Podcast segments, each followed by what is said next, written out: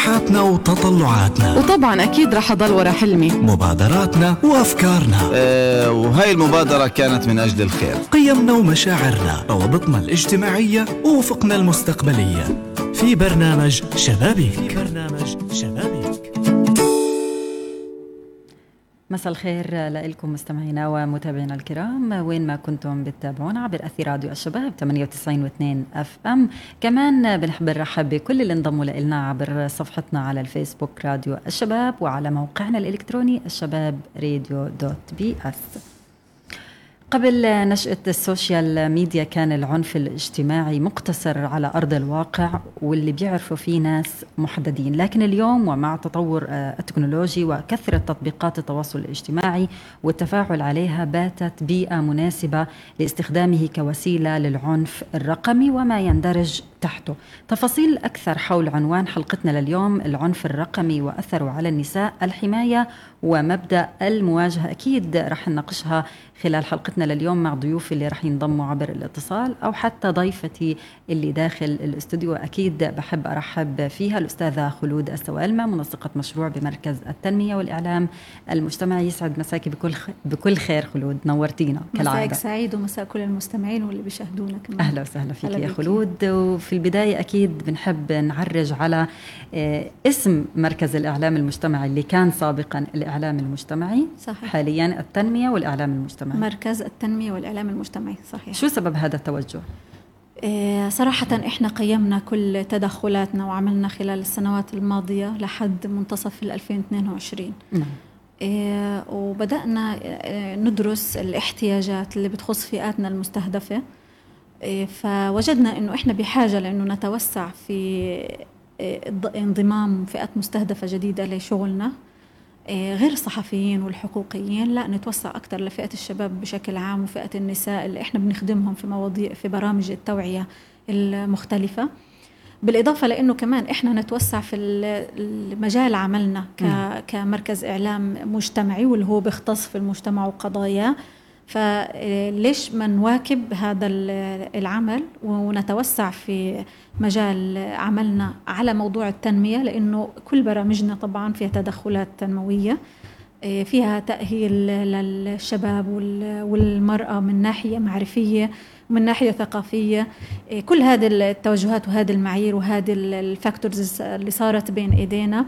مع مجموعة من الاستشارات اللي تمت ما بين أعضاء مجلس الإدارة ومختصين في مجالات متعلقة بإدارة المشاريع والتنمية والتخطيط الاستراتيجي صار في توجه لأنه نغير في اسمنا حتى يتضمن ويشتمل على كل البرامج اللي إحنا بنشتغل عليها بشكل عام وصار في تطوير على الخطة الاستراتيجية بناء على إنه إحنا انتقلنا من اسم مركز الإعلام المجتمعي اللي من اسمه ممكن بيعبر فقط على إنه المركز يختص بالإعلام كتول يستخدمها في المجتمع إلى مركز التنمية والإعلام المجتمعي وهذا الإشي بيشير لأنه إحنا في عنا تطور في فئاتنا المستهدفة اللي بدنا نستهدفها بالإضافة لأنه مجمل التدخلات اللي راح تتنفذ تتنفذ مع فئاتنا المختلفة نعم. حتختلف وحتتطور وحتكون مواكبة أكثر للتطورات الحاصلة في مجال التنمية وإلى جانب الإعلام رح يضل هو تول إحنا بنستخدمها لحتى نضيء ونشير أكثر على قضايا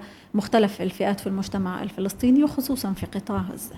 أكيد يعني بنتمنى لكم التوفيق ومركز الإعلام المجتمعي والتنمية. أكيد مش بعاد عن بعض ولكن هن أكيد مكملات لبعضهم. نتمنى لكم أكيد التوفيق.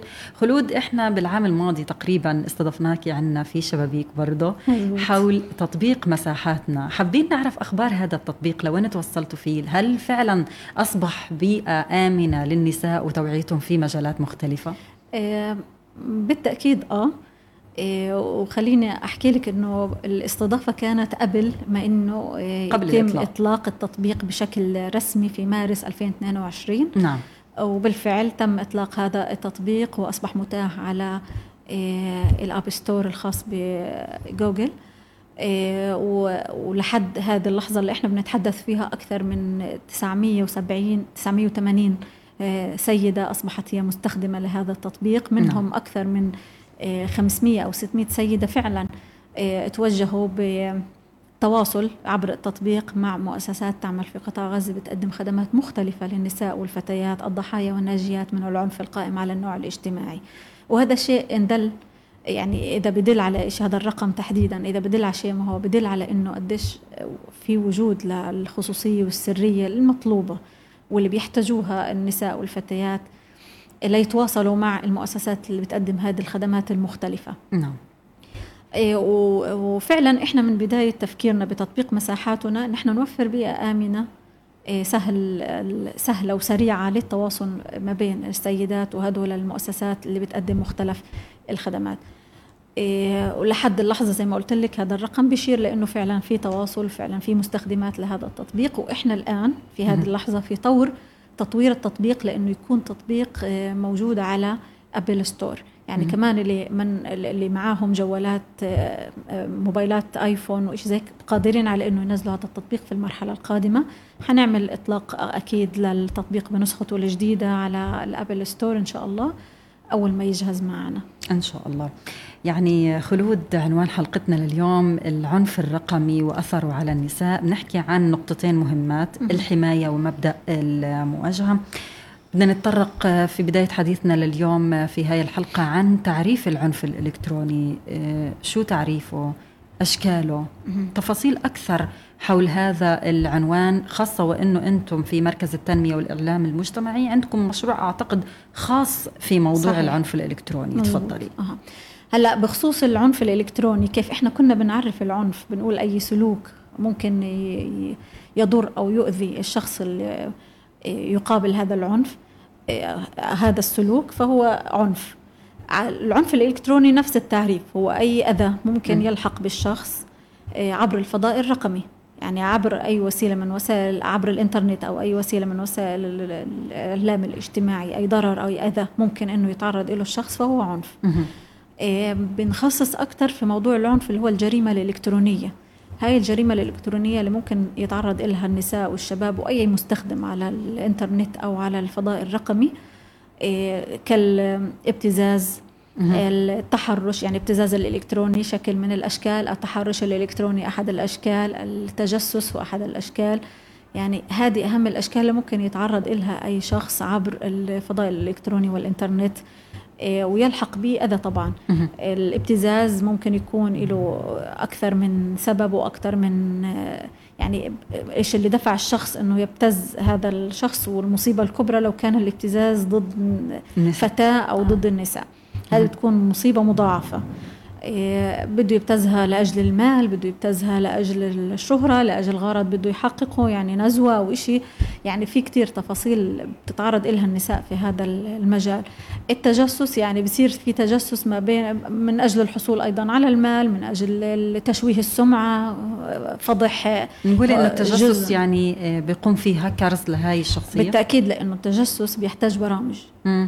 إيه، فبتلاقي مجموعة من المتجسسين إلكترونيا إيه، بيبحثوا بحثاثة عن برامج تجسس ممكن إنه هم من خلالها يفوتوا كهكرز على حسابات معينة هم حابين يستطلعوا أكثر ويستخبروا إيش إيش بداخلها حياتهم. وحياتهم تفاصيلهم اليومية عملهم علاقاتهم مع الآخرين من أصدقائهم اللي بيحكوا معهم باستمرار. يعني كل هذه التفاصيل إنه يخترق العالم الإلكتروني تبع هذا الشخص أو العالم الرقمي من خلال برامج تجسس ممكن إنه يحصل عليها بأي صورة من الصور. يا طولة باله هذا الشخص. آه هو هو شوفي في ناس عند يستهويهم يستهويهم. إيه، استكشاف أو يعني أنفسهم في هذا المجال إنه قديش هو خبير في المجال التكنولوجي قادر إنه يتعلم لحاله من غير دراسة. ناس آخرين انتقام. يعني هو بده ينتقم فبحثاثة بدور على الإنترنت وين في برامج تجسس ممكن يشتري. يعني ممكن يصل فيه الحال إنه يشتري برنامج تجسس وإنه يروح لهذا الشخص حتى خلص إنه هو قاصد إنه ينتقم منه بشيء معين.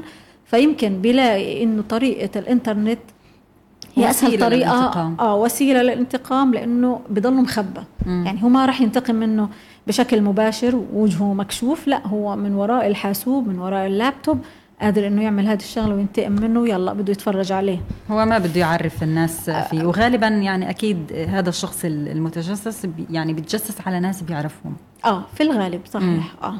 طيب شو تأثير هذا النوع من العنف على النساء؟ آه شوفي بالتأكيد لو أي سيدة أو أي فتاة تعرضت لابتزاز إلكتروني أو لتحرش إلكتروني أو لتجسس أي طريقه أي شكل من أشكال الجريمة الإلكترونية أول شيء هذا الإشي يضرها نفسيا. بتضلها طول الوقت بالها مشغول في الإشي اللي وصلها الرسائل اللي انبعثت لها أنا بعرفك كويس بعرف تحركاتك بعرف صديقاتك عندي مجموعة صور كبيرة لإلك. تخيلي حالتها. يومها كيف بتعيشه لما في حدا بيراودها وببعث لها كل شوية آه، صورتك وانت مع سين صاد عين معايا عندي. فبتقول لك يعني آه، تفاصيل التفاصيل عنده. فتخيل عاد نفسيتها. هي بتكون في عالم آخر ومشدودة فكريا نفسيا مدمرة تماما مش قادرة تتصرف. في خوف. إنها تحكي سواء لصديقتها سواء لأمها لأبوها لأهلها. يعني في خوف إحنا موجود عندنا في مجتمعنا. إيه، لأنه مش متوفر للبنت أو للست كمان إيه، تواصل آمن مع أفراد أسرتها أو مع صديقاتها. في خوف إنه والله بكرة حنفضح. لا بديش أحكي. لا حضلي ساكتة. ممكن ممكن تستجيب تستجيب للابتزاز اللي بتتعرض له إيه وتسلك سلوك منحرف آخر عشان توفر مثلا فلوس إيه تعطيها لهذا الشخص تبعت له إياها.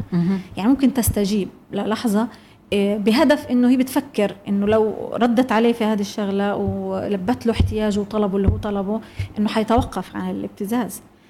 إيه، مش واعية إنه بل بالعكس لما يلاقيها استجابت حتكون فريسة سهلة جدا.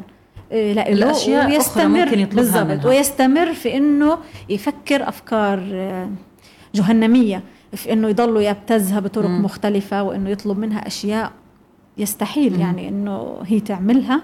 بس خلص لإنه شافها إنه بتستجيب لطلباته علشان هي شايفة إنه استجابتها لطلباته ممكن يوقفوا عن الابتزاز. ما فيش درجة الوعي الكافية عند نسائنا وفتياتنا في هذا الجانب. يعني هذا جزء من قصص خلود. يعني إحنا كمان بنعرفها للنساء تعرضوا لابتزاز إلكتروني. آه، هاي الشخصية اللي بتتعرض للابتزاز زي ما حكينا إنه هي ممكن آه، تقوم بالسرقة لحتى توفر فلوس ممكن تعرض آه، يعني ممكن يعني تتخلى عن أخلاقها شوي علشان صحيح. هذا الشخص. ممكن تستجيب أيوه. ممكن. تستجيب لطلباته سواء عبر منصات التواصل الاجتماعي أو بشكل واقعي. صحيح آه. مم. طيب يعني خلود إيش في أهداف أخرى لل يعني العنف الرقمي؟ هذا الشخص مثلا بكون مش محتاج فلوس. بس بيبتزها لأشياء أو أهداف أخرى. شو في أهداف أخرى لهذا الحدث اللي بيصير على ال social media؟ هو إذا ما كانش بحاجة لمال إنه بكون بحاجة لإنه يشهر آه، في هذه الشخصية يسيء سمعتها في أمام العامة إيه، بإنه يحكي عنها إيه، وياخذ من صورها مثلا اللي موجودة على حساباتها يعني هو في النهاية بده يسيء لسمعتها. عبر الفضاء الرقمي. ممكن بشكل أو بآخر بده ينتقم من شيء معين بده ينتقم من حدا قريبها. يعني مش هي مش هي الشخص مش اللي هي المستهدفة. آه مش هي الشخص اللي هو بده ينتقم منه لأنه مثلا أذته في شيء معين. ما هو ممكن تكون آه، هي قريبة لأحد أذى فبده ينتقم بأي طريقة فبتقع السيدة أو الفتاة ضحية لهذا الموضوع بتكون هي الفريسة اللي موجودة أمامه لأنه ينتقم من أي شخص آخر. هو شايف أنه هو ارتكب بحقه أي شيء. وهذه الأشكال كلها سواء بده يحصل مال بده يشهر في حدا أو يسيء لسمعته بده ينتقم من أي شخصية يعني أشكال موجودة واردة عنا بشكل كتير مستمر. في ناس ممكن إنه تبتز أو يعني توجه توجه أي سلوك وعنف عبر الفضاء الرقمي لأشخاص إيه، تخرب عليها شغل أو تخرب عليها عمل هي بتست هي بتعمله عبر الإنترنت. يعني في من أحد القصص اللي وصلتنا إنه في شخص كان كل شغله موجود على اللابتوب إيه، ومحصل إيه، يعني شغل freelancer بشكل كتير كبير. وعامل شغل وضايل له بس تكة ويسلم الشغل اللي هو عامله آه، برمجة أشياء وحاجات زي هيك. آه، في لحظة آه، كان واصله إيميل. بفكر هذا الإيميل هو ال payment الدفعة اللي جاية له من هذه الشركة اللي هو بيشتغل عليها. للأسف طلع هاكر ما ضغط على okay وإنه بدخل بياناته كل جهازه بكل الشغل اللي فيه اتهكر وبطل يفتح خالص مم. بذل كتير جهد أكثر من أسبوعين ثلاثة عشان يسترجع كل البيانات الموجودة وراحت عليه فرصة إنه يسلم الشغل اللي كان بين إيديه لأنه حيحصل عليه مبلغ كتير كبير كمان ممكن برامج التجسس هذه تيجي عبر إيميلات من شخص بيعرف كاش أصلا بس مم. هو خلص عنده هذه الهواية بده يوصل ل- لحساب معين بده يوصل لشغله معينة لأنه كل شوية بصب وهذا أكيد بتصل لناس كتير مم. إنه بيصلوكوا إيميلات معينة إنه بس ابعت رقم آه، حسابك وأبصر شو عبي البيانات هذه علشان حيصلك مثلا دفعة وإنت طلعت الرابح معنا وإنت الفائز وإنت المحظوظ وهذه الرسالة بتوصلك لإنك إنت المحظوظ ما بين عشرة وفزت بكذا. هذه كلها إيميلات fake ما حدا يتعامل معها على الإطلاق. ضيفي على ذلك روابط. بالضبط. روابط بتصل بإنه لو عبيت هاي البيانات أنت حتدخل السحب على جهاز آيفون حديث وابصر شو أو بتدخل السحب كده على الناس ال- الفقراء اللي موجودة على ال social media آه، بيوصلها روابط إنه ممكن آه، كوبون آه، أيوة، فلوس صحيح. أو حتى سلة غذائية فبيروحوا بيسجلوا هم مش. عارفين إنه هذا بالتأكيد. هاكرز بالضبط. هدول هاكرز يعني بيبدعوا ومش لاقي كلمة تانية بس هم يعني بيبدعوا في السوق في مم. أسوأ شيء عندهم إنه كيف ممكن يكونوا آه، يعني يعملوا highlighted على أشياء بتستحوذ آه، آه، آه، وبتجذب الناس البسيطة جدا اللي موجودة على الفضاء الرقمي بأنهم يروحوا يعبوا البيانات ويفكروا فعلا إنه هذا الإشي حقيقي مم. في روابط أخرى بتيجي كمان لأنه هذا رابط لتسجيل العمل وفي تحفيزات مم. العمل هذا 600 دولار في الشهر ولمدة خمس شهور أو ست شهور وبيبقوا حاطين مثلا مؤسسات زي اليو إن دي بي وغيرها مم. بأنه معلنا عن هذا الشيء وبيطلع في النهاية ده فيك كلياته وغلط فعشان هيك يعني إحنا في برامجنا للتوعية دائما بنوعي ال- الفتيات والشباب مم. بشكل عام والنساء بأنه ما يتعاملوا مع أي روابط ممكن توصلهم على الإطلاق مع أي إيميلات ممكن تصلهم من أشخاص هم بيعرفوهمش. أو كمان من إيميلات مش مش معروفة مش متداولة مم. بدل يعني بدل الجيميل ممكن يكون إيميل آخر ف يعني برامج التوعية تبعتنا بتكون إحنا مطلعين على مختلف وسائل الابتزاز والتجسس والأشياء هذه اللي ممكن يتعرض لها الشخص عبر الفضاء الإلكتروني وبناء بناء عليها بنصمم ال- المادة التوعية اللي إحنا بنطلقها خلال برامجنا المختلفة. يعني في في موضوع آه، فرص العمل بسهولة ممكن إحنا نتأكد من إنه هذا الرابط آه، مزبوط أو مش مزبوط آه، خلود يمكن تتفقي معي في هاي النقطة إنه إحنا ممكن نتوجه للصفحة الرسمية لهي المؤسسة بكل سهولة. بنشوف إذا كان هم معلنين عن الوظيفة أو لا. فإذا مش معلنين آه، بالتالي هو ال- الرابط آه، فيك فيك. وغير هيك إنه إحنا يعني يكون لازم آه، يعني عندنا توعية أكثر بإنه بالضبط، هذا شكل الرابط صحيح وهذا مم. الشيء أنا بقول لك بحتاج للتوعية مم. لأنه لو لو الإنسان اللي اللي بيشوف هذا الرابط ما راح وتحقق مم. ومباشرة فات على الرابط لأنه ما عندوش وعي فهو لازم الحين أي حدا بده يفوت على الفضاء الرقمي هذه نصيحة لكل حدا ممكن بده مم. يفوت على الفضاء الرقمي إنه يتأكد إنه هو على دراية كاملة إنه قادر إنه يحمي نفسه ويحصن نفسه تماما إيه، على كل المنصات اللي هو بيشتغل عليها. آه، لإنه التعلم والمعرفة أهم شيء آه، تحمي الإنسان وتخليه محافظ على خصوصيته وعلى السرية اللي هو ممكن يتمتع بها أكيد. هذا شيء كتير مهم آه، وإحنا على كل الأحوال على مواقعنا على التواصل الاجتماعي على صفحتنا آه، على موقعنا الإلكتروني بننشر باستمرار حول آه، موضوع الأمان الرقمي في مجموعة من الإجراءات والتطبيقات العملية. خطوة بخطوة كيف ممكن كل حدا يأمن حسابه على المنصات الرقمية كلها؟ كيف ممكن يستخدم الإنترنت بطريقة آمنة وعادلة؟ إيه، كيف يأمن الإيميلات الخاصة فيه كمان؟ يعني في كتير تفاصيل بتتعلق بكل جزئية متعلقة بالأمان الرقمي يعني لتحقيق الخصوصية خلود قديش هذا الموضوع آه، أنتم تعبتوا عليه علشان آه،. تنشروه على منصاتكم على التواصل الاجتماعي إلا إنه الناس اللي موجودين على ال social media قديش هاي المعلومة ممكن تفيدهم إلا إنه بيعدوا عن هذا الرابط أو الفيديو بدون أي استفادة. فكيف إحنا ممكن نوجه الناس في هاي الحالة إنه افتحوا الفيديو أها. شوفوه اتعلموا منه ممكن يحقق لكم كمية كبيرة من الأمان الرقمي لحتى ما لما تتعرضوا للابتزاز و.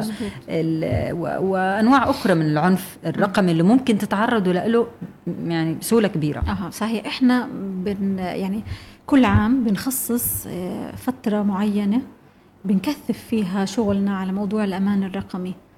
إيه، وبننشر عبر صفحاتنا ومنصاتنا الرقمية كلها بآن واحد. آه، رسائل واضحة آه، مكثفة رسائل محددة ومخصصة وكتير بسيطة واضحة حول موضوع الأمان الرقمي.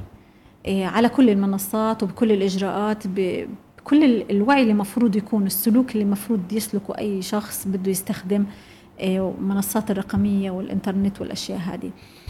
فبنعمل بشكل مستمر على هذا الموضوع بالإضافة لأنه كل ورشة إحنا بننفذها إيه، على أرض الواقع لمجموعة من الناس إيه، حول الأمان الرقمي والجرائم الإلكترونية والحماية منها إيه، مباشرة بننشر عنها عشان نضل متواصلين في الحديث عن الموضوع ويضلوا على أذان الناس بشكل مستمر وشايفينه على وسائل التواصل الاجتماعي تبعتنا. بالإضافة لأنه إحنا لما بننشر أي فيديو أو أي شيء بنحط زي إيه، رسالة هيك مشوقة م. حتى يفتح ويتعرف أكثر على الموضوع. يعني بنقول له مثلا بدك تعرف بخطوتين كيف ممكن تعمل كذا كذا. ممكن هذا يحفزه إنه آه، افتح الفيديو شوف إيش الخطوتين السهلين هدول اللي ممكن تعرفهم. إيه وبرجع وبأكد إيه أي حدا بده يستعمل الفضاء الرقمي والفضاء الإلكتروني أنا بنصحه إنه يتعلم ويتوعى إيه، بشكل كبير كيف إنه يستخدم ويستخدم هذه المساحة تكون مساحته الآمنة والخاصة ويحافظ على السرية والخصوصية الخاصات به. نعم هذا أكيد إشي كويس خلود. لكن في عنا نوعين من النساء اللي آه، بتعرضوا للعنف الرقمي. آه، نساء قويات بيقدروا يواجهوا ونساء ضعيفات. يعني م- في فترة من الفترات كانت زميلة صحفية تعرضت للعنف الرقمي لكن اللي ميزها عن أي شخصية تانية أو نساء أخريات أنها هاي الشخصية قدرت تواجه على ال social media وقدرت تخلي جنبها ناس داعمين لإلها وينشروا لإلها. احكي لنا عن النوعين من هاي النساء كيف ممكن تتعرض للعنف وكيف ممكن تواجه؟ وإنه ما يكونش في خوف لا عند هاي ولا عند هاي بل بالعكس يعني إنه إحنا نكون قادرين على المواجهة أحسن بكثير من إنه آه، نستسلم نستسلم مم. للأمر بالتأكيد. ونتعرض للخطر أكثر آه. ممكن توصل حالة فينا للأذى نفسي آه، ممكن تصل لحد القتل إذا فعلا قتل. دخلنا في قضايا شرف و... وانتحار مثلا مم. على كل الأحوال آه هو فعلا في عنا فتيات ونساء قادرات على التعامل مع هذا الموضوع وهذا الإشي بيرجع كمان لقديش العائلة مساندة ولقوة شخصيتها ووعيها ويمكن زميلتنا الصحفية كانت على قدر من الوعي والمسؤولية اتجاه ما تعرضت له وهذا الإشي خلاها آه، تصرح بهذا الموضوع وتبلغ الجهات الرسمية يعني م. في خطوة كتير مهمة هي تبليغ الجهات الرسمية بالموضوع م. حتى يضل في رادع قانوني أو إطار إيش ما كان صح إحنا عندنا القانون لسه مش مصاغ بالدرجة المطلوبة فيما يتعلق بالجرائم الإلكترونية ومحتاجين لإعادة نظر وتفاصيل كثيرة فيما يتعلق بهذا الموضوع. وأغلب الجرائم بصير زي تشبه كذا فبصير لها مرجعية في قانون مختلف. نعم. فلا إحنا عشان فعلا نحط رادع لهدول الناس اللي بيمارسوا هذا العنف إنه نبلغ الجهات الرسمية. إيه، في عنا في دائرة الجرائم الإلكترونية وحدة التوعية والتحصين المجتمعي. هذه الوحدة هي المسؤولة عن تلقي الشكاوى والتعامل معها بشكل تقني وفني بمنتهى السرية والخصوصية والأمان. نعم. يعني أنا بنصح أي فتاة أي سيدة إيه، ممكن تتعرض لأي شكل من أشكال الجرائم الإلكترونية م. أي شكل إيش مكان؟ أي حدا بعت لها صباح الخير وهي بتعرفوش. بالضبط. حست إنه صباح الخير في من وراها حاجات كتير بإمكانها إنها تبلغ وتضلها محتفظة بهذا الدليل. وتروح تبلغ وحدة الجراء التوعية والتحصين المجتمعي في دائرة الجرائم الإلكترونية في وزارة الداخلية. إيه الأرقام الخاصة بالوحدة موجودة على مواقع تواصلنا الاجتماعي. إيه وإحنا نشرين عنها وكاتبين بكل هذه التفاصيل بالإضافة لأنه إحنا في مركز الإعلام المجتمعي فتحنا إيه العيادة الرقمية أطلقنا العيادة الرقمية في, في نهاية يونيو الماضي. وحطينا رقم واتساب آه، لأي تواصل خاص باستشارة. أي حدا بده يستشير ويشوف إيش ممكن يعمل كيف يأمن حساباته مش فاهم على الخطوات اللي إحنا أعلنا عنها بإمكانه يعمل هيك.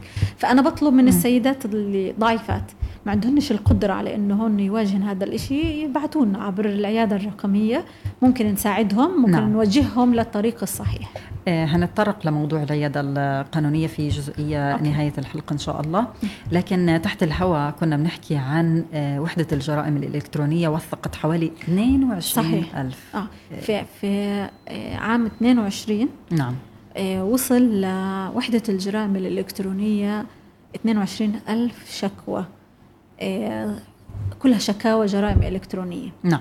فتخيلي يعني ضخ العدد ضخم كبير على على مساحة قطاع غزة اللي إحنا بنعيشها. وهذه الجرائم غير مصنفة. يعني بالتأكيد في منها عدد كبير ضد نساء وفتيات وشباب ومختلف الأشكال بالتأكيد. إيه، وتأكدي تماما إنه ال 22 ألف هدول تمكنوا من إنهم يروحوا ويبلغوا. كان عندهم القدرة كان عندهم الدعم اللي يخليهم الدعم النفسي وال- والاجتماعي اللي يخليهم يروحوا يقدموا نعم إيه، قيسي على ذلك وأنا متأكدة إنه أضعافهم ما عندهم الجرأة كان إنه يقدموا هذه الشكاوى وهي إشكالية أكيد. إشكالية مم. كبيرة بالتأكيد رغم إنه إحنا دائما باستمرار بنوعي وبنحكي في ضرورة لأنه تتوجهي الجهات الرسمية للتبليغ إيه، وصولك للجهات الرسمية للتبليغ بيحفظ لك الكرامة بيحفظ لك السرية والخصوصية بوصلك للعدالة اللي أنت محتاجاها بالضبط. والحماية المطلوبة مم. يعني في أكثر من شغلة هي مهمة جدا بأنه أنت توصل إلى الجهات الرسمية للتبليغ لا ننكر أبدا آه، أنه آه، في عدد من المؤسسات آه، في قطاع غزة بيقدموا خدمات مختلفة سواء قانونية أو دعم نفسي أو غيره كمان للنساء والفتيات اللي بيتعرضوا لأي عنف إلكتروني وبيتابعوا معهم الحالة وبيشوفوا آه، قديش ممكن إنه يكون الدعم القانوني مناسب إلها ومستمرين معها بيكونوا في الدعم النفسي. لأني أنا زي ما قلت لك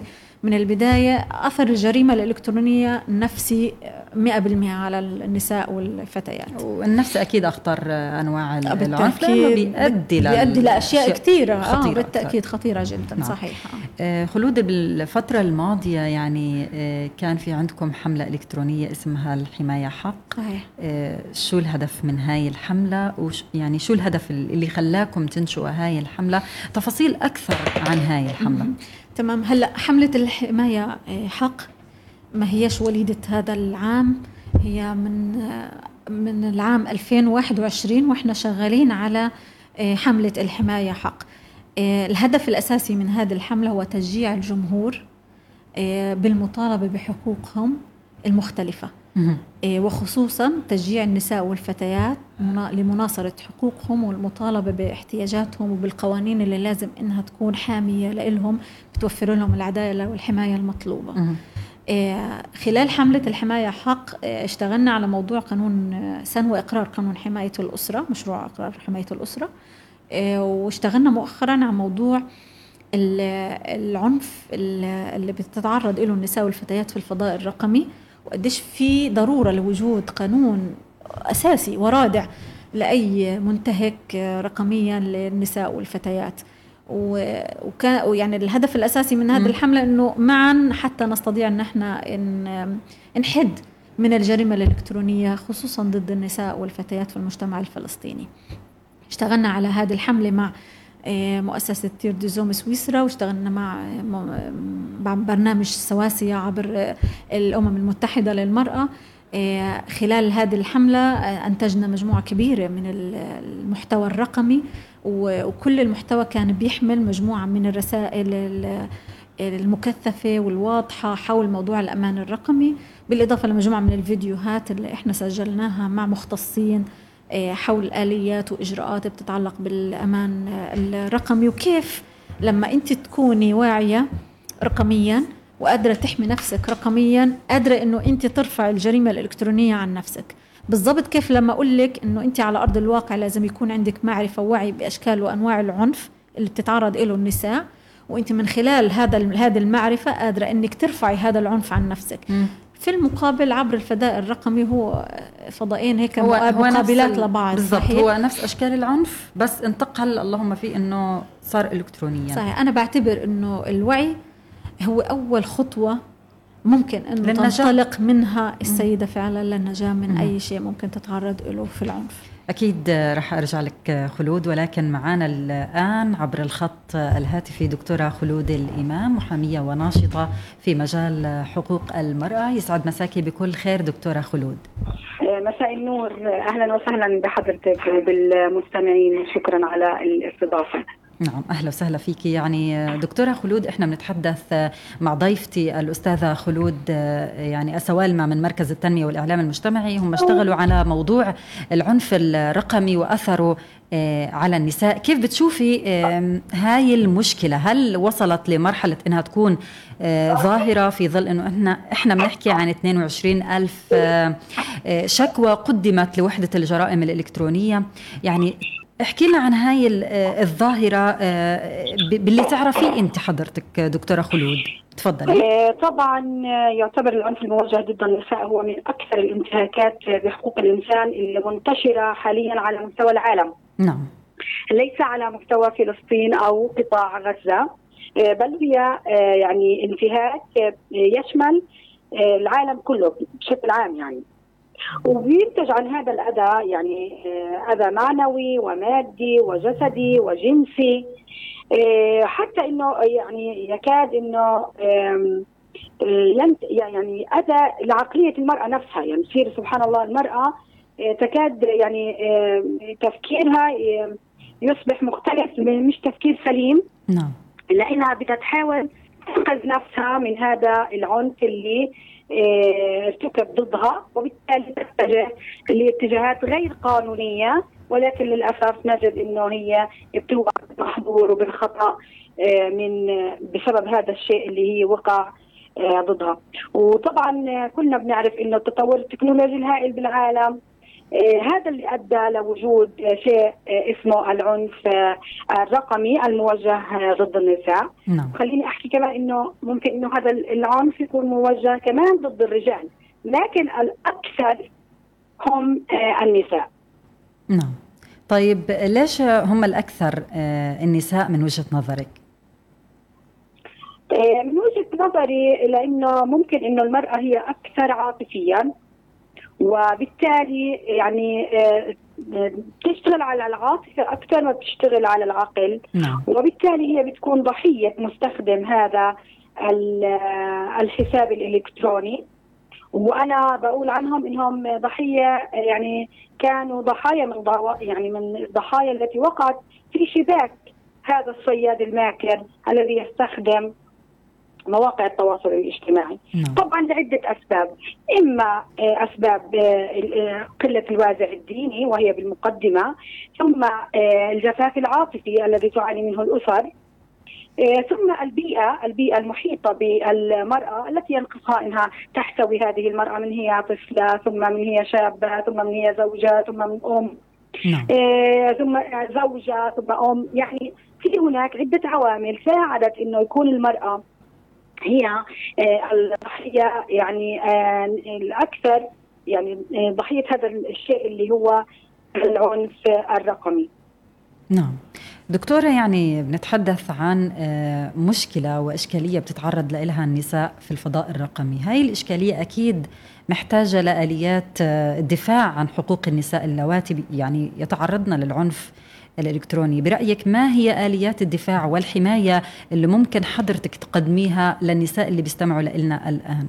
تفضلي. آه، تمام. آه، هلا آه، آه، طبعا في شيء اسمه عندنا بالقانون اللي هي الجرائم الإلكترونية وهذا يعتبر من الجرائم الإلكترونية. لكن بالبداية هل المرأة تعي وتعلم أن هناك عقوبة وتصل إلى السجن أو الغرامة أو أو من هذه الأمور لاي شخص يتعرض آه، للمرأة هون الفكرة. إذا هي عرفت إنه والله كل شخص بده يعمل آه، انتحال شخصية أو بده يستفزني أو بده آه، يدخل بطريقة يعني ابتزاز لإلها وبالتالي ممكن إنه هي تتوجه للجهات المختصة. نعم. وتستطيع الجهات المختصة إنه في عنا إحنا قسم الإلكترونيات يستطيع بالشرطة إنه يجيب مين الشخص هذا وحسابه وكل هاي الأمور ويتم محاسبته، لكن للأسف الشديد إنه إحنا النساء خصوصا بالمجتمعات العربية وكما حضرتك بتعرفي والمستمعين بيعرفوا إنه إحنا بهي المجتمعات مجتمعات محافظة وبنخاف من كلام الناس وبنخاف من كلمة عيب وبنخاف ليش وقعت بهذا الإشي وطبعا للأسف الشديد إنه إحنا دائما نضع اللوم على المرأة نعم. لولا أنها مثلا فتحت له المجال ما حكى معها لو إنها حصنت آه، اللي هو حسابها وخلينا نحكي إنه لازم إنه إحنا دائما ما نعطي آه، الرقم السري تبعنا لأي حدا حتى لو كانت صديقة لو كانت أخت لو كان أي حدا ممكن إنه يطلب منا ما نعطيه نكون حريصين بالتعامل مع الأشخاص نعرف مين شخصية هذا الشخص آه، نحاول نعرف إنه هل هي شخصية وهمية ولا شخصية حقيقية آه، نعرف مين اللي بده يحاول كذا. وكمان لازم يكون انه زي ما حكيت لك وازع ديني أهم من كل شيء إنه هي تعرف المرأة إنه في عقوبة في يوم القيامة بالدخول بهاي الأمور. طب ليه, ليه نقول إنه مثلا للأسف إنه ما كانت منتبهة آه قلت الوازع الديني أي شيء صار معها لكن للأسف الشديد إنها وقعت بشبهك طيب يعني دكتور نعم تفضلي. تفضلي. هل تستسلم؟ أم هناك عدة خطوات تتجهها. البداية عليها إنها آه، ما تخاف وتؤمن إنه آه، عمل الشرطة اللي راح هي تروح تقدم عندها عمل سري. ما راح يحكوا لحدا وما راح ينفضح الأمر. آه، بالعكس هم راح يساعدوها وراح توصل معاهم لبر الأمان. راح يجيبوا الشخص اللي هو مبتزها أو الشخص اللي آه، للأسف مثلا أخذ صور أو أخذ شيء وبدأ يطلب منها فلوس أو يطلب أشياء ثانية. نعم. وبالتالي هي بتسكر عليه الطريق لما هي بتروح وبتعطي المباحث بالشرطة إنهم الرقم وبتعطيهم حساب وبتعطيهم كل هاي الأمور وهم آه، تكون واثقة منهم إنه راح يكون عملهم سري وراح ياخذوا لها حقوقها لأنه في عندنا إحنا قانون الجرائم الإلكترونية ويعاقب عليه هذا الكلام يعاقب عليه القانون ممكن إنه يكون جنحة أو ممكن أن ياخذ آه، جناية يعني حبس أكثر من ثلاث سنوات. نعم دكتورة خلود الإمام محامية وناشطة في مجال حقوق المرأة. شكرا جزيلا لك وأكيد بالعودة إلى ضيفتي داخل الاستوديو الأستاذة خلود. السوالمة منسقة مشروع في مركز التنمية والإعلام المجتمعي. برحب فيك من جديد خلود. يعني مهم جدا أن يكون في آه، أساليب حماية تقدم آه، للنساء. نتحدث عن عقوبات آه، جرائم الجرائم بشكل عام. هو ما فيش يعني عقوبات يعني مخصصة ما في ما في قانون آه، ينص بشكل صريح على كل عقوق على كل جريمة إلكترونية آه، شو العقوبة اللي مفروض لإلها. ولكن بيتم الاستناد إلى القانون لا نعم. يتم موائمة في تكييف يعني إنه هذه قد تشبه هذه فبصير لها العقوبة بهذا. الشكل. وحدة الجرائم الإلكترونية الموجودة عندنا بغزة في عندهم فريق تقني كامل فبإمكانهم أنه من خلال الفريق التقني يتوصلوا للشخص المعتدي آه، عبر الفضاء الرقمي وفي في عندهم أشخاص مهرة في هذا الموضوع وفعلا حلوا إشكاليات كثير كبيرة. آه، في هذا الجانب وأنا بحب أطمن الفتيات والنساء بهذا الموضوع. توجهكم للجهات الرسمية هو أسلم طريق كيف كيف كيف حكت وحدثت زميلتي خلود المحامية في هذا الموضوع. أنا أؤكد على حديثها بأنه في في ثلاث شغلات كثير مهمة لأي ست ولأي فتاة. تتأكد منهم قبل ما إنها تروح للفضاء الرقمي وتتعامل معه. شو هم؟ إنه يكون عندها وعي كامل بإنه في لها حقوق وعليها واجبات في الفضاء الرقمي. نعم. يكون في عندها معرفة كاملة ودراية كاملة آه، بكيف إنه تكون آمنة عبر الفضاء الرقمي واستخدام الإنترنت والبريد الإلكتروني. تمام؟ يكون عندها علم كامل ومعرفة تامة بوين تتوجه. حتى إنه آه، تقدر توفر الحماية لها في حال تعرضها لأي جريمة إلكترونية. أنا ما بقولش انه وعيها أو معرفتها أو تعلمها لأي شيء ممكن إنه يحميها تماما. في ناس تتفنن وتبدع آه، في إنها تؤذي الناس عبر الفضاء الرقمي. يعني هذا هدول موجودين. يعني الناس اللي بتمارس العنف في الفضاء الرقمي كتار وزي ما قلت لك إنه بحس نفسه مش مرئي ومش مشيوف فبيعمل ما بداله. فأنا قديش بقدر إني أمنع هدول الناس وإني أحد من وصولهم لإلي عبر الفضاء الرقمي. أنا بكون 100% وصلت لحماية نفسي عبر الفضاء الرقمي حافظت على أماني وخصوصيتي واستخدمت الإنترنت بشكل عادل وفري وبكل حرية. طيب خلود قديش مهم إنه إحنا بدل ما إحنا آه، يعني نواجه هاي المشكلة بأنفسنا ولحالنا أفضل بكثير أو لا الأفضل إنه إحنا نتوجه لوحده مثلا الجرائم الإلكترونية وهي اللي تجيب لنا حقنا بإيدهم هم مش بإيدينا. أه.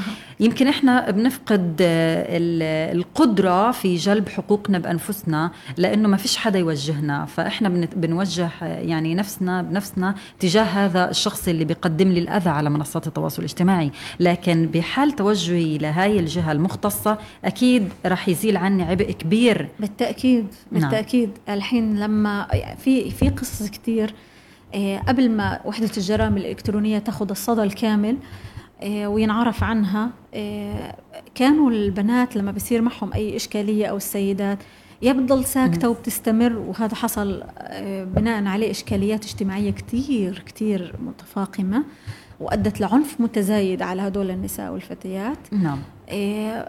في في المقابل في منهم فتيات من خلال زميلاتهم صديقاتهم آه، راحوا لأشخاص آه، مهره تقنيا في موضوع الفضاء الرقمي. آه، منهم بياخذوا فلوس ومنهم لا. ففي عبء إضافي كمان على البنت والسيدة إذا توجهت لهدول الناس على أساس إنه يحموها أو إنه يوقفوا هذا المبتز عن استكمال مسيرة الابتزاز تبعته أو الجريمة اللي هو ماشي فيها.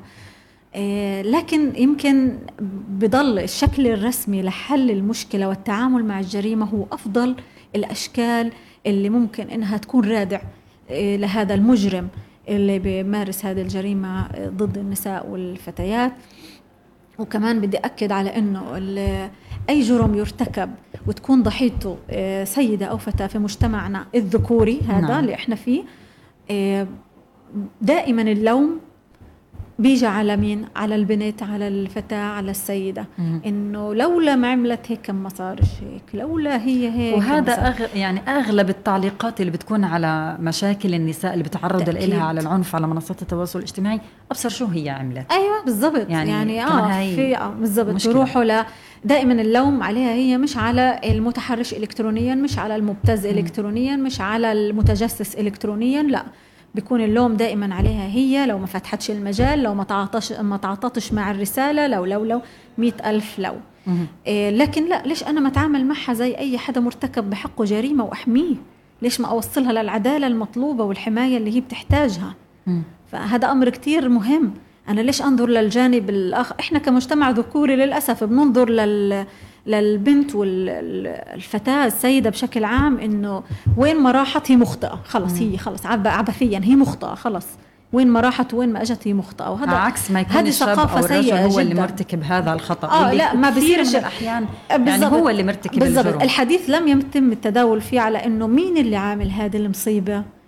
وليش مبتزها ليش بتواصل معها؟ لا هو هي ليش كيف وصلها طب ما هو وصلها عن طريق برامج برضه يعني إحنا كمان ليش نطلع إنه كيف وصلها؟ لأنه هي فتحت المجال.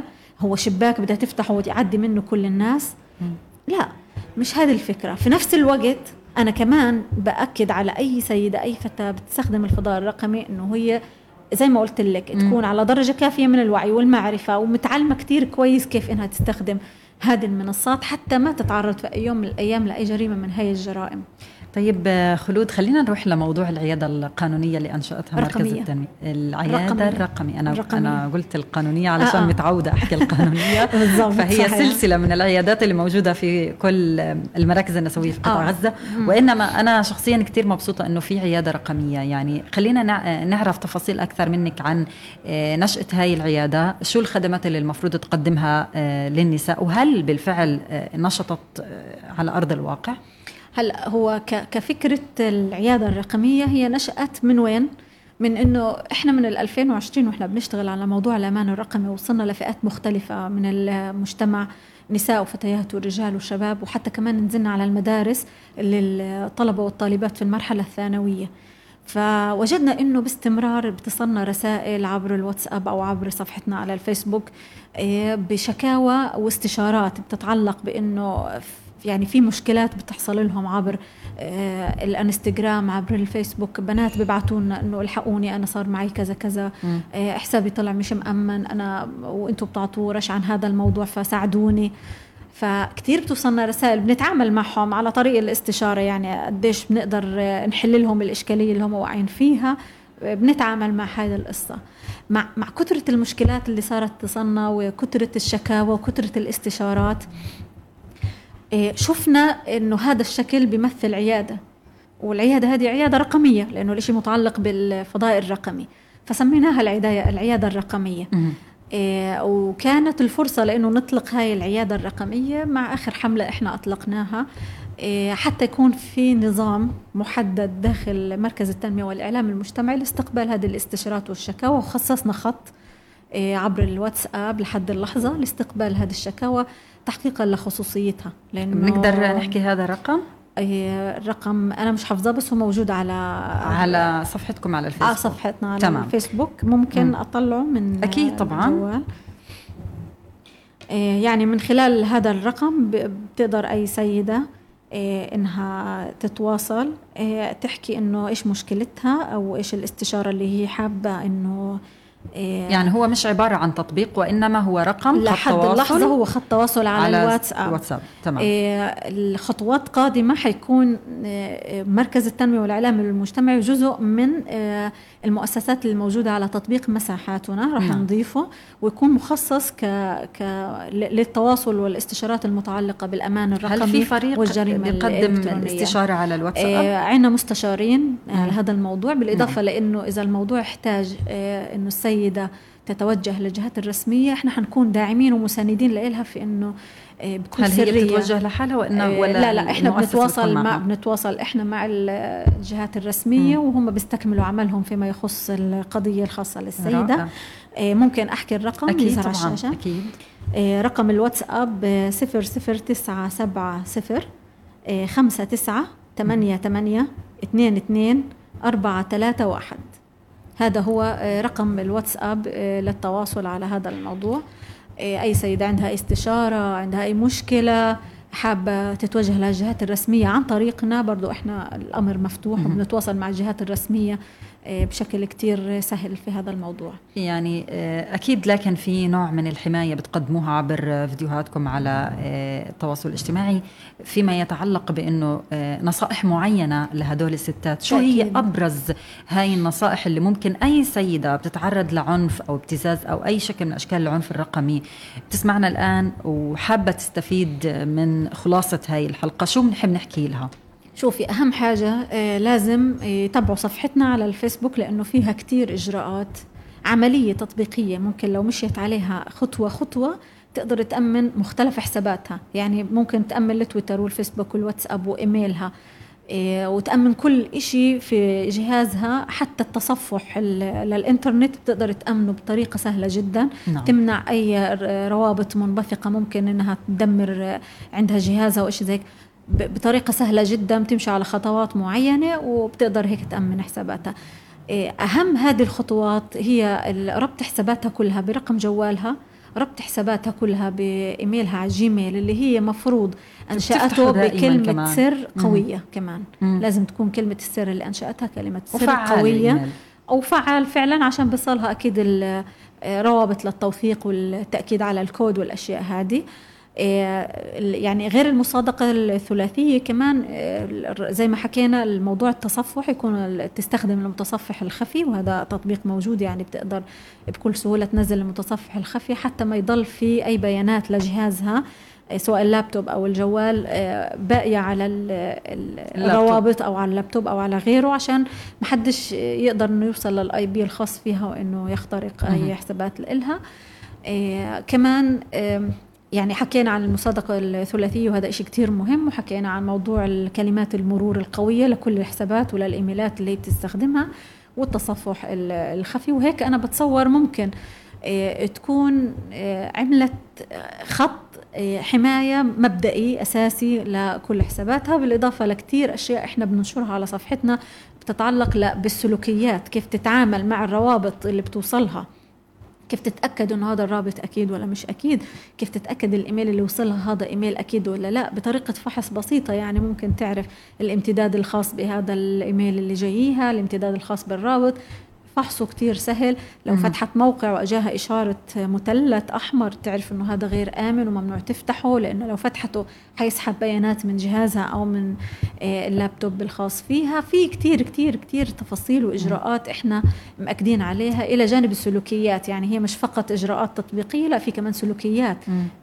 لازم تكون واعية فيها لحد إنها تحصل على الخصوصية الأكيدة والتامة وتحصل على السرية اللي مطلوبة لأنه تكون آه، في حماية أكيدة وغير هيك لما الجرائم يعني أنا مثلا أرسل لك آه، رابط معين ومش ظاهرة صورة الرابط هذا خلود أسألك شو هذا الرابط؟ مش على طول مش على طول تفوتي صحيح. بالتأكيد. وفي حالة تعرضها لأي عنف يعني وقعت الكارثة وين تتوجه؟ هلا نقول إنه هي عندها وعي كامل وصارت المصيبة مصيبه وتعرضت لأي ابتزاز لأي نعم. تحرش إيه صار في حدا قال لها إنه أنا اخترق حسابها وصار عارف كل. بياناتها ومعلوماتها مباشرة إيه بتحتفظ بهذا الدليل اللي موجود لهذا المتحرش سواء برسالة واتساب أو فيسبوك إيش ما كان شكل الرسالة اللي وصلتها وبتعملها shot screen وبتضلها محتفظة فيها لا تتعامل مع هاي الرسالة على الإطلاق لا برد بآه أو لا ولا ومين من وين وجبت وكيف وليش لا ما تتعامل على الإطلاق مباشرة تتوجه للجهات الرسمية. تبلغ إنه أنا وصلتني هاي الرسالة وهيها تورجيهم إياها. مباشرة الجهات الرسمية حتتعامل مع الموضوع بكل سرية وبكل خصوصية وأمان وحتوفر لها الحماية الكاملة. وهذا على ثقة إحنا لما بنوجه السيدات لأي آه، قناة. إحنا متأكدين إنه هذه القناة بالتأكيد حتوصلها لبر الامان بشكل كتير كويس وكتير مريح. حست إنه هي خائفة من إنه تتوجه للجهات الرسمية بإمكانها تتواصل معنا عبر العيادة الرقمية. إحنا ممكن نساعدها بطريقة أو بأخرى كيف توصل للجهات الرسمية. إذا كان الأمر بيتعلق باستشارة آه، بس إنه تأمن حسابها هذا اللي اجى عليها الاختراق ممكن نساعدها في إنه كيف تأمن هذا الحساب. ممكن كمان من خلال في دليل إحنا إيه، جديد أصدرناه بمتعلق بالأمان الرقمي والجرائم الإلكترونية في مجموعة من المؤسسات اللي بتقدم إيه، خدمات مباشرة للنساء والفتيات اللي بيتعرضوا لاي جريمه إلكترونية ممكن برضه إنه يتوجهوا لهي المؤسسات أكيد يعني خلود الحكي في هذا العنوان أكيد بيطول أكيد. حلقات أخرى آه. لكن أكيد إن شاء الله بنتمنى أن نكون يعني أوجزنا للناس اللي بيسمعونا إيه، كيف يتعاملوا في حالة تعرضهم لأي عنف؟ بدي أشكرك خلود السوالمة الزميلة العزيزة من مركز التنمية والإعلام المجتمع على وجودك معنا لليوم في حلقتنا لليوم من شبابيك شكرا العفو أمل. شكرا كثير لاستضافتكم. يعطيك العافية. الله يعافيك يا رب. مستمعينا ومتابعينا الكرام وصلنا لختام حلقتنا لليوم من برنامج شبابيك. استنونا الأحد الجاي في حلقة وعنوان جديد في نفس الموعد الساعة 2 ولكن قبل الختام أكيد بشكر فريق العمل من الهندسة الإذاعية الإذاعية الزميل حسام الخطيب والكاميرا محمد الفقعاوي. التنفيذ تماضر طنبورة ومن البث المرئي الزميل محمد الجرو. هذه تحياتي. أنا أمل بريكة من الإعداد والتقديم. شكرا لكم. طموحاتنا وتطلعاتنا. وطبعا أكيد رح أضل ورا حلمي. مبادراتنا وأفكارنا. أه وهي المبادرة كانت من أجل الخير. قيمنا ومشاعرنا روابطنا الاجتماعية وافقنا المستقبلية. في برنامج شبابيك. في برنامج شبابيك.